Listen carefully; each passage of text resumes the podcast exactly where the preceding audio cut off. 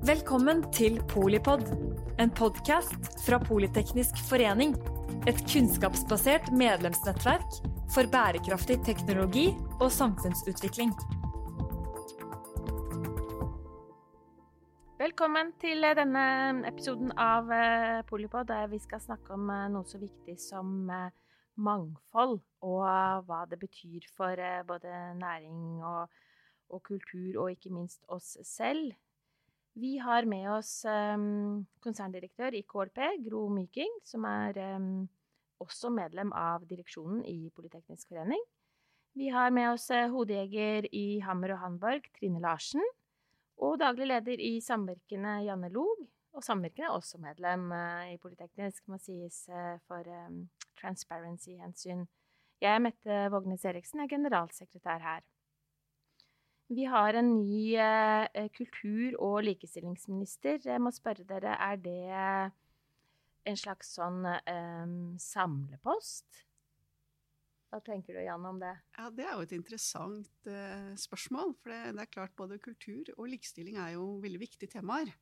Men, uh, og likestilling er også en viktig del av kulturen. Men likestilling er jo også et mer tverrsektorielt tema. Um, hvis du sammenligner f.eks. med næring og fiskeri, så er jo fiskeri en del av næring. Um, så akkurat det er jo et interessant spørsmål, og, og også det med likestilling versus mangfold. Um, så det spørs om man kanskje på sikt ja, Likestilling er jo viktig for Norge, eh, også i profileringen av Norge. Så kanskje man på sikt burde hatt et likestillings- og mangfoldsdepartement. Og et eget kulturdepartement, kanskje? Absolutt. ja, men det er jo egentlig litt som du sier, Janne, litt sånn merkelig at de er sammen. Det blir jo litt sånn um, det, Ja, det henger sammen, men også ikke sammen. Ja, var det den gang likestilling ikke var så viktig, ikke så anerkjent mm. som tema? At det ble en sånn slags sekke, sekkepost? At den henger litt igjen? Mm.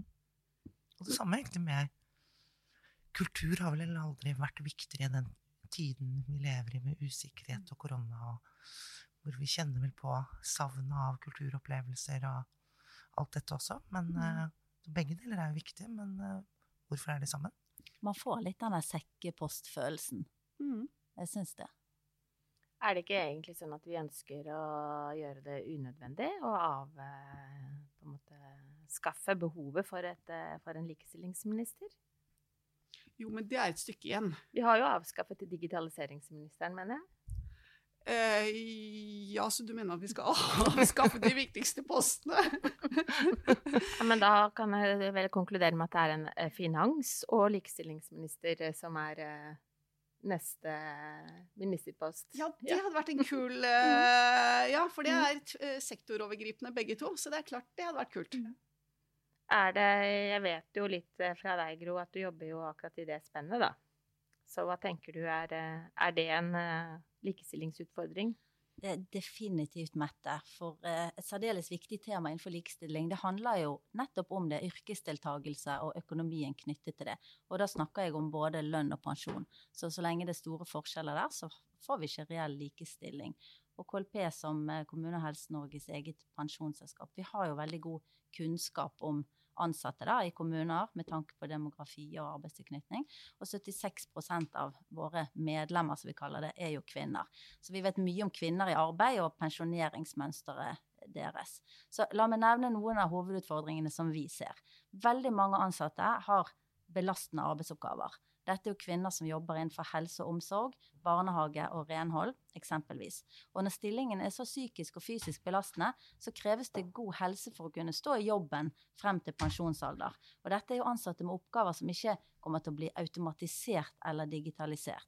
Og et tema nå i pandemien som har blitt viktigere enn noen gang, det er så stort frafall i en viktig og kvinnedominert yrkesgruppe som sykepleieryrket én av fem sykepleiere de slutter jo i jobben innen ti år i yrket. Gjennomsnittlig pensjonsalder er veldig lav, 58 år. Seks av ti har vurdert å slutte. Og vi ser også kjønnsforskjeller på alder og oppstart av uførepensjon. Og alle disse mm. tingene er jo noe som eh, regulerer da den økonomien du får i livet eh, gjennom din yrkesdeltagelse.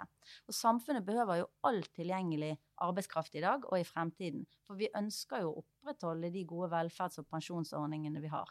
Og da kan vi ikke miste ressurser hvert år fordi at arbeidsforholdene sliter deg ut eller gjør deg syk. Og det blir jo enda færre som har lyst til å ha disse samfunnskritiske jobbene hvis ikke vi gjør noe eh, for å eh, bevare denne arbeidskraften på en måte som er motiverende og helsefremmende. Så dette er viktig likestillingsarbeid og berører veldig mange i samfunnet.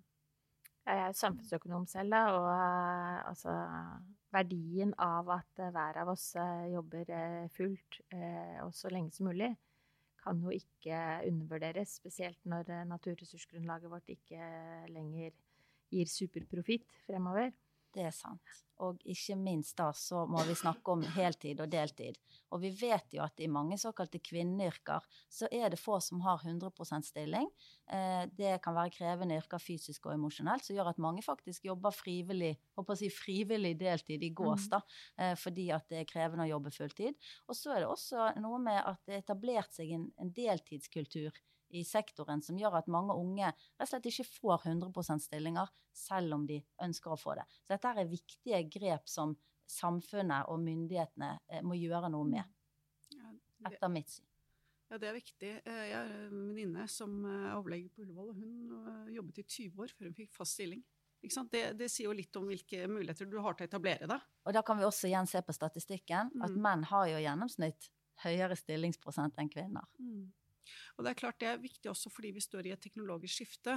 Og vi anklager jo de teknologigigantene eh, for å ha for dårlige arbeidsbetingelser, f.eks. Uber og sånn. sånn at for å det blir jo da viktig å ta tak i de utfordringene vi har selv, for å være godt forberedt på å kunne ha, ta vare på den norske modellen i det vi står i et digitalt skifte. Så akkurat det å begynne med egne problemer da er jo kjempeviktig.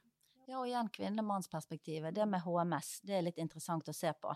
Eh, KLP har gjennomført en, eh, et prosjekt sammen med Spekter og Sykepleierforbundet, og en av konklusjonene der er at det må etableres en forståelse for at HMS, f.eks. på et sykehus, det er jo noe helt annet enn i det tradisjonelle eh, mannsdominerte industri-, bygg- og anleggsmiljøene, der HMS handler om eh, sikkerhet, eh, nødutganger og hjelmer og sånne ting. Eh, på et sykehus eksempelvis så er det veldig mye emosjonelt stress, du har for få folk på jobb. Alle de tingene de påvirker òg helse, miljø og sikkerhet, men det er ikke tatt inn i eh, på en måte prosedyrene, fordi at man tenker, eh, og har tenkt, mer den mannsdominerte industrien. Dette må også gjøres noe med hvis vi skal få god yrkesdeltakelse og gode likestillingsforhold, etter vårt syn. Men det er det som er litt sånn interessant, at veldig mye av rammene blir lagt på menns premisser. Det er også en av grunnene til at uh, jeg er veldig opptatt av kvinner inn i teknologi. Fordi at der setter vi nye rammer. Sikkerhet i bilutvikling. Noe jeg har tenkt på nå under pandemien, er jo Vi kjører jo i veldig stor grad digitale intervjuer. Eh, nå har jeg gudskjelov litt sånn naturlig mørk, hes røst, men kvinner har jo i utgangspunktet eh, en eh, lysere stemme. Og så er mikrofonene egentlig lagd for en mannestemme. Så hvis, noen ganger så kan jo kvinnelige intervjuer da digitalt høres litt mer skjærende ut, kanskje litt mer irriterende, uten at du tenker over det.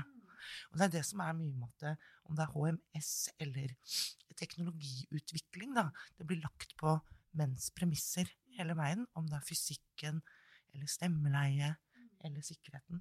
Og det her gir jo noen helt uante eh, problemstillinger. Og liksom det derre usynlige som vi ikke tenker bevisst over i det daglige, da. Som gjør at eh, kvinner på en måte blir veldig ofte en tapende part. Og at det er kvinnene som skal skjerpe seg litt. Mm. Ja, og, og, særlig hvis du er litt nervøs da, i en intervjusituasjon, så kan du få en enda litt mer skjærende stemme. Ja. Uh, og hvis det da blir uh, understøttet av en mikrofon som fremhever det, så kommer du jo litt dårligere ut. Ja. Så det er noe vi reflekterer under nå når vi rekrutterer så mye digitalt. da. At vi må være bevisst de derre nye, ubevisste fordommene som mm. gjør at det, det blir diskriminering. da. For jeg tror jo i utgangspunktet ikke at man ønsker å diskriminere. Eh, men det blir disse rammene, mm. om det er et lovverk eller sikkerhet eller teknikk eller sånt, som gjør at vi ubevisst gjør det. da. Det var veldig interessant det du sa nå, for jeg var faktisk ikke klar over det, det med mikrofonen er laget for uh, en mannestemme, da, som vi Mm. sier. Mm. Eh, og det viser jo bare at all denne ubevisste Mm. eh, Både teknologien og det vi har rundt oss, det er jo ikke laget for at noen vil være slemme eller diskriminere. Det er på en måte en slags underbevisst eh, innretning Ja. mot ett kjønn og ikke det andre. Og det er det som gjør dette temaet så viktig og så vanskelig. Mm. Ikke sant? At vi må få løfta alle disse problemstillingene og bevisstgjøre oss mer på det. Hvordan slår det ut eh, på litt den bredere likestilling eh, slash mangfoldsarenaen? Den liksom digitale både rekruttering og, og arbeidslivet? Ikke helt ennå, ikke sant. Vi er så tidlig. Ja, det er to år da vi har holdt på. Vi får se på statistikken hvordan det vil påvirke.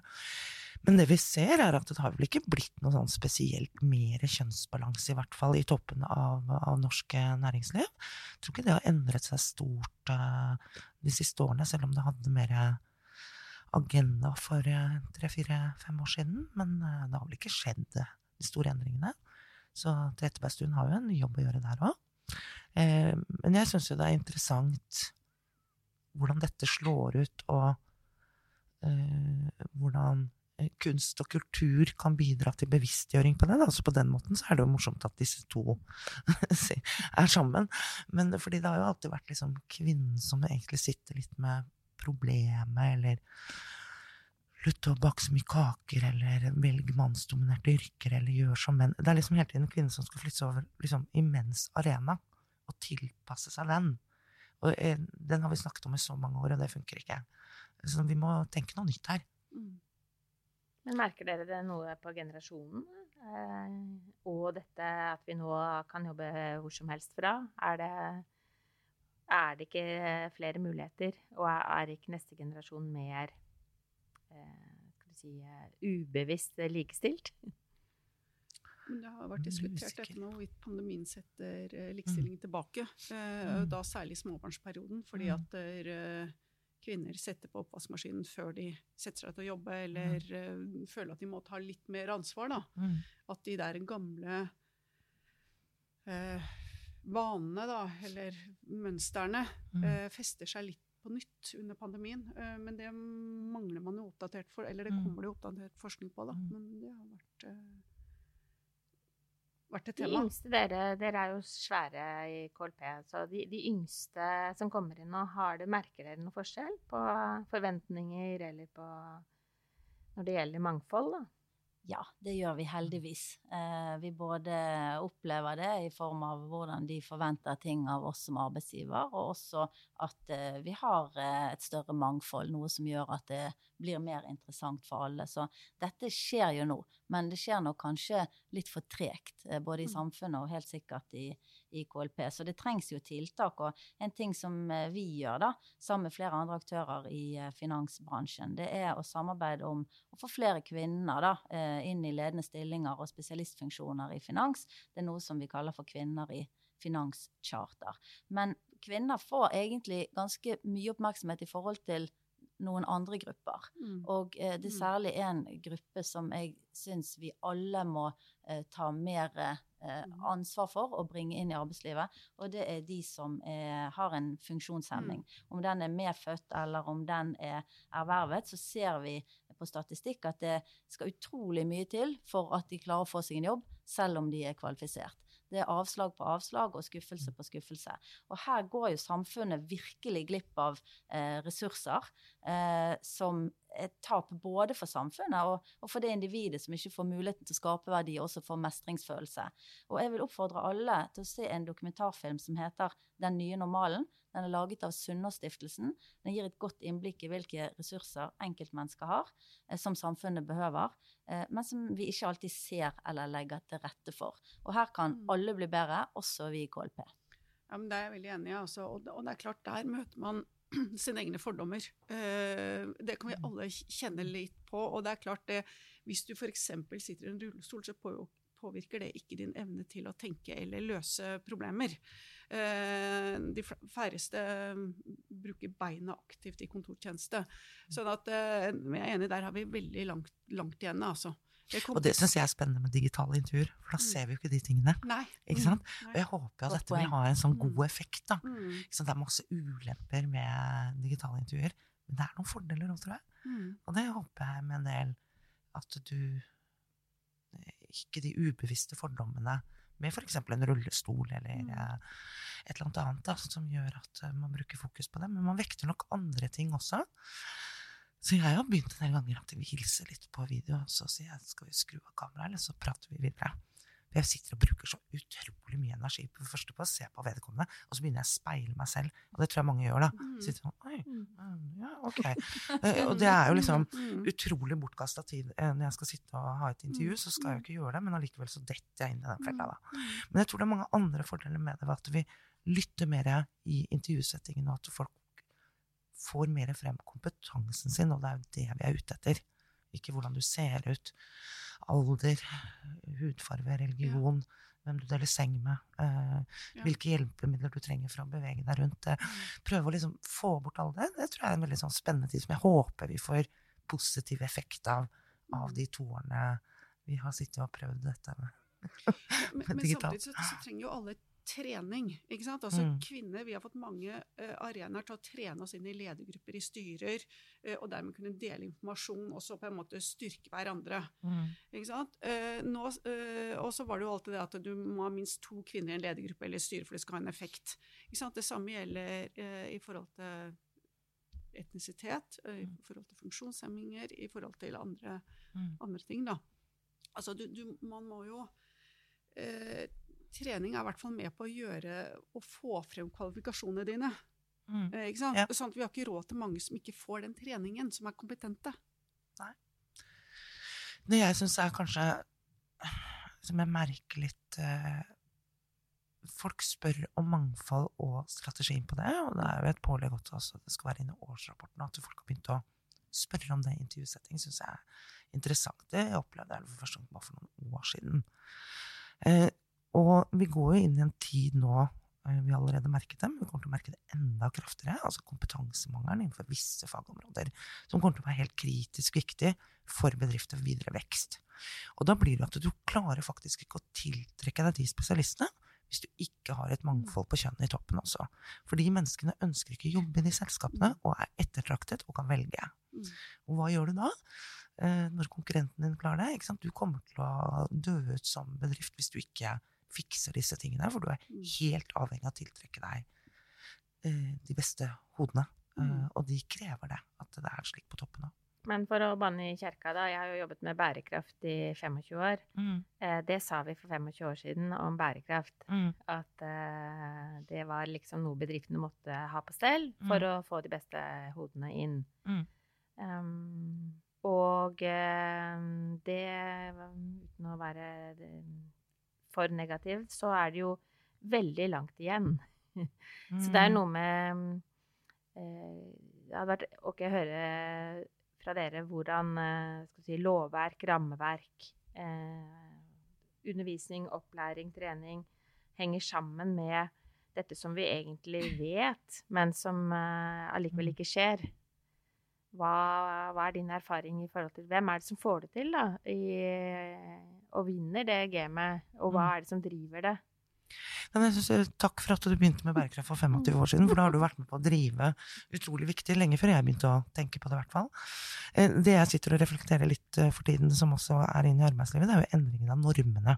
Altså, eh, ok, vi har hatt et lovverk og de tingene, men jeg opplever veldig, veldig den endringen eh, markant. Og der er det jo igjen med, liksom, med kunst og kultur og, og likestilling at vi ser eh, de unge trendy i dag. Jeg blir jo litt sånn overraska. Hva er det du har på deg, liksom? Det er jo gjenbruk fra det ene til det andre. Jeg syns de ser litt rare ut, men jeg skjønner jo at det er jeg som ser rar ut, da. Men, eh, men det sier jo noe også om mm, liksom, vil, hva vil jeg identifisere meg med? Hvor vil jeg jobbe? Eh, er det Man vil ikke lenger jobbe i så stor grad som før med selskaper som kun driver med profitt, da. Det skal være noe større. Det har jeg sett tendensene til i flere år. Men dette med å ha noe med mening, eh, og at det er bærekraftig, og at det er mangfold, det kommer sterkere og sterkere. Og det har nok mye med den revolusjonen vi er i, som skjedde lenge før pandemien. Men pandemien har jo skrudd opp takta, i hvert fall ti år. Kommet tydeligere fram. Jeg bruker litt eksempler med den TV-serien Exit, som er jo finansverden. Den kunne ikke blitt sendt for 20 år siden. Ikke sant? Eh, I dag så sitter du og er en parodi eh, på eh, et liv og et jag. Men det er ikke mange år siden at dette var normen og det man så opp til. Nei, Wall Street, når den filmen ble laget, Ja. den var ikke parodi på samme måte som Exit var. det tok vi litt mer Ja. Ikke sant? Enda bedre eksempel, Ja. Janne. Jeg, jeg kan kanskje si noe som ja, Det provoserer meg kanskje litt, det der med at man snakker om at ja, det må til så mye trening for at liksom kvinner eller noen med etnisk bakgrunn eller noen som har funksjonshemning, skal kunne uh, få, få muligheten til å være i en ledelse eller et styre. Trenger man så mye mer trening enn menn? Altså, det blir så mye fokus på at i utgangspunktet er man litt mindre på en måte egnet. Mm. Eh, og jeg tenker at her er det eh, å få inn rollemodellene. Og første gang man ser en kvinne være statsminister eller konsernsjef eller brannkonstabel for den saks skyld, så er det noen små jenter sine drømmer som blir litt mer oppnåelige. Så det blir så mye om og men og snakk om at man må kvalifisere seg inn til å i det hele tatt bli påtenkt. Vi må begynne å forstå at alle er like mye verdt, og har du en utdannelse og en motivasjon, så er du kvalifisert. Det er jeg helt, helt, helt enig i. Selvsagt. Eh, fyrtårn eh, betyr mye. Men jeg tenker på eh, Hvis du er ikke et fyrtårn, da, men likevel ønsker å gjøre en karriere, så kan f.eks. litt trening være med på å veie opp for usikkerhet, f.eks. i en intervjusetting, eh, i det første møtet, sånn at du ikke underskjeller din egen kompetanse. Og jeg er jo helt enig i det, Eh, men Janne. jeg er helt enig. De Det handler ikke- mer om at vi snakker om at på en måte noen grupper trenger trening, men vi snakker aldri om at menn trenger trening. Alle trenger dette. Absolutt, absolutt. Det var bare, men jeg er enig i at får du en fyrtårn, så kan det være med å dra. Men eh, vel så mye som eh, Jeg mente virkelig ikke å si at noen trenger trening, men- det kan veie opp hvis du ikke er et fyrtårn og likevel har ambisjoner. Hvor viktig er sånne konkurranser da, for å få fram eh, For å få fokus på alle de flotte forbildene av ymse slag? Er det bra med kvinnekåringer eller mannskåringer eller regionale kåringer eller sant? Vi eh, Jeg vet ikke helt, jeg, men jeg tror det er viktig at eh, kvinner viser seg frem på forskjellige arenaer. Disse kåringene er Litt sånn usikker på hele verdien av det. Jeg syns jo det var vel så kult at eh, Anita Krohn Traaseth stilte opp på førstesiden av husker ikke, L eller Det Nye, eller hva det var for noe. tenkte jeg jøss, tenkte jeg først, men så tenkte jeg så smart. Nå er det en eh, målgruppe som er viktig å se. Eh, at eh, Man kan eh, ha en topplederjobb, masse ansvar, ha barn, ha familie, ha de tingene som viser at det faktisk går an. da. For jeg er innmari lei av å lese om alle de kvinnene som ofrer så mye. Eh, Jeg, eh, mitt karriereråd for at jeg nådde toppen, var at jeg slutta å bake cupcakes. Liksom. Hvorfor det? Du kan bake så mye cupcakes du vil, for min del. Eh, men, liksom, men det er jo forvaltning av tid. Men det jeg tror også Jeg er jo litt sånn spesielt opptatt av den digitaliseringen og endringen vi er i. Eh, og, og det jeg tror er spennende, er jo at hele det hierarkiske strukturen i næringslivet kommer til å endres. Vi har allerede Mm. sett det. At de startupene, de selskapene som klarer skaleringene nå, det har flate organisasjonsstrukturer. Og hvordan gjør det da, hvordan gjør det med tal talentutviklingen din da? Når du ikke får de naturlige mellomleder først, og så får du utvikle altså, ikke sant? Hele det her blir jo også en stor endring, da.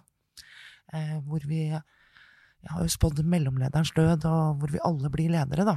Eh, og hva vil det si på Mm. mangfold, kjønnsbalanse? Jeg tror at eh, det vil ha en positiv effekt, da. Mm. Ja, mer rom for alle. Ja. Men også, man må jo rett og slett eh, gjøre jobbe hardt, da. Det er jo Men eh, Mm. hvor uh, Altså, hvor fleksibelt eh, jobber en, en stor bedrift eh, med den type nye leder... Ny lederutvikling, nye kanskje talentspeiding i, i en digital økonomi? Eh, KLP er vel som alle andre opptatt av å sikre seg de gode talentene, og eh, ser jo òg at vi må finne nye måter å tiltrekke oss det på. Og det er både eh, yngre, mangfold, kvinner spesielt har jo vært litt for lite både på ledelsesnivå og spesialistnivå i finans, og det er jo noe som vi kanskje har blitt best på å se etter. Mm. Men som jeg var inne på i sted, vi eh, ser nå òg at det er jo mange andre ressurser som eh, kan tilby eh, verdiskaping, og som vi vil være enda mer obs på fremover. Da. Hvis eh, Trettebergstuen eh, skulle være finans, eh, kultur, næring ja, kanskje, kanskje er det rett og slett et råd til statsministeren mer enn til likestillingsministeren. Jeg, jeg tenker at jeg skal få fra dere, da i forhold til hva, hva skal til for at Norge tar en uh, ledende posisjon og bruker hele arbeidsstokken og skaper størst verdier på kortest mulig tid? Ja, jeg kan jo si eh, noen tanker om det. For det er veldig bra å snakke om måte, kvinner i ledelse. og sånt. Samtidig så er jo det egentlig en mindre gruppe. altså Vi må snakke om de store gruppene kvinner, og hvordan de kan eh, ha høy yrkesdeltakelse og god økonomi og, og styring i sitt eget liv. Eh, og til Trettebergstuen vil jo jeg da si at bidra til å hindre frafall, sykefravær, uførhet og lav yrkesdeltakelse i disse viktige og kvinnedominerte yrkene i offentlig sektor. Pandemien har jo vist oss med all tydelighet at vi behøver gode og motiverte ansatte eh, i disse jobbene, både i dag og fremover. Og de fortjener mer enn en stor takk. Eh, her er det mye som kan gjøres for å sikre yrkesdeltakelse, og ikke minst rekruttering fremover. Det vil være likestilling i praksis, og det vil også komme hele samfunnet til gode. Og så Et annet tema på tampen som opptar oss i KLP, det er jo hvordan samfunnet kan hindre ungt utenforskap. Mm. Dette er en økende tendens i samfunnet som vi alle må jobbe beinhardt for å redusere. Fordi at utenforskap, økende ulikheter, det er en stor trussel som jeg håper at regjeringen eh, kan sette ekstra innsats inn mot. Og så blir det viktig å få flere kvinner inn i teknologi. Eh, og da eh, vil jeg oppfordre eh, likestillingsministeren til å gå i dialog med de som sitter tett på problemstillingen. Da vil jeg anbefale Hypatia, som er en, eh, et nettverk eh, i NTNU eh, hvor det er kvinnelige teknologistudenter som jobber tett med næringslivet, og sånn sett vet både hva næringslivet etterspør, og vet hva som skal til hos studentene. Sånn at det ikke bare blir på en måte kåringer og sånn i Oslo, langt fra de som faktisk kjenner problemet. Så det er det ene. Og det andre er kanskje at Eh, likestilling og mangfold. Eh, det er jo en stor, eh, stort uforløst potensial der. Så det å få et mer sektorovergripende tematikk, departement, statsråd knytta til det, uten at det er noe som helst forkleinelse for den sterke kultur- og likestillingsministeren vi nå har, og også har hatt tidligere, tror jeg kunne vært fint. Mm. Absolutt. Jeg tror vi skulle hatt en en som bare var likestilling- og mangfoldsminister. Ja. Det var fokuset. Det er også et signal på at det her er helt avgjørende viktig for eh, både det liksom at vi syns det er riktig, men jeg tror også for næringslivets vekst at det må til. Å jobbe er jo vel og bra, men å eie, det er ikke så verst, det heller. Så hvordan ligger det an med mm, fordelingen og på Oslo Børs, eksempel, eh, Gro? Det er fremdeles sånn, eh, Mette, at menn eier nesten 80% av de private aksjeverdiene på Oslo Børs. Og som stor fondsleverandør så ser jo KLP at det er en positiv utvikling ved at det er en større bevissthet hos kvinner i dag. Finansbransjen har jo også tatt noen grep for å være målrettet mot kvinner. Men det er likevel en veldig alvorlig økonomisk skjevhet når det kommer til alt fra kapitalinntekter som fond og aksjer, men også andre eiendom, eh, områder som eiendom, pensjon og oppstart av aksjeselskaper. Så det er jo veldig viktig at vi må jobbe med å få ned disse forskjellene. For det at sparing og investering det gir større innflytelse, større selvråderett i eget liv. Og spesielt når kvinner lever jo mye lenger enn menn i snitt. Eh, og det er jo ingen grunn til at kvinner ikke skal ta del i den verdiskapingen og den samfunnsutviklingen. Så ser vi at kvinner sparer mer i fond enn før, men det er fremdeles menn som sparer mest, og de sparer også mer enn kvinner. Så jobben gjenstår i stor grad her. Ja, nei, Det er ingen grunn til at mennesket eier 80% av verdien på Oslo Børs. Og i Sverige er det jo enda verre. Der eier kvinner 0,72 eh, og det er klart, Hvis du hadde lagt et mangfoldsperspektiv her, så tror jeg tallene Det er vanskeligere å måle, da, men så tror jeg tallene har blitt enda verre.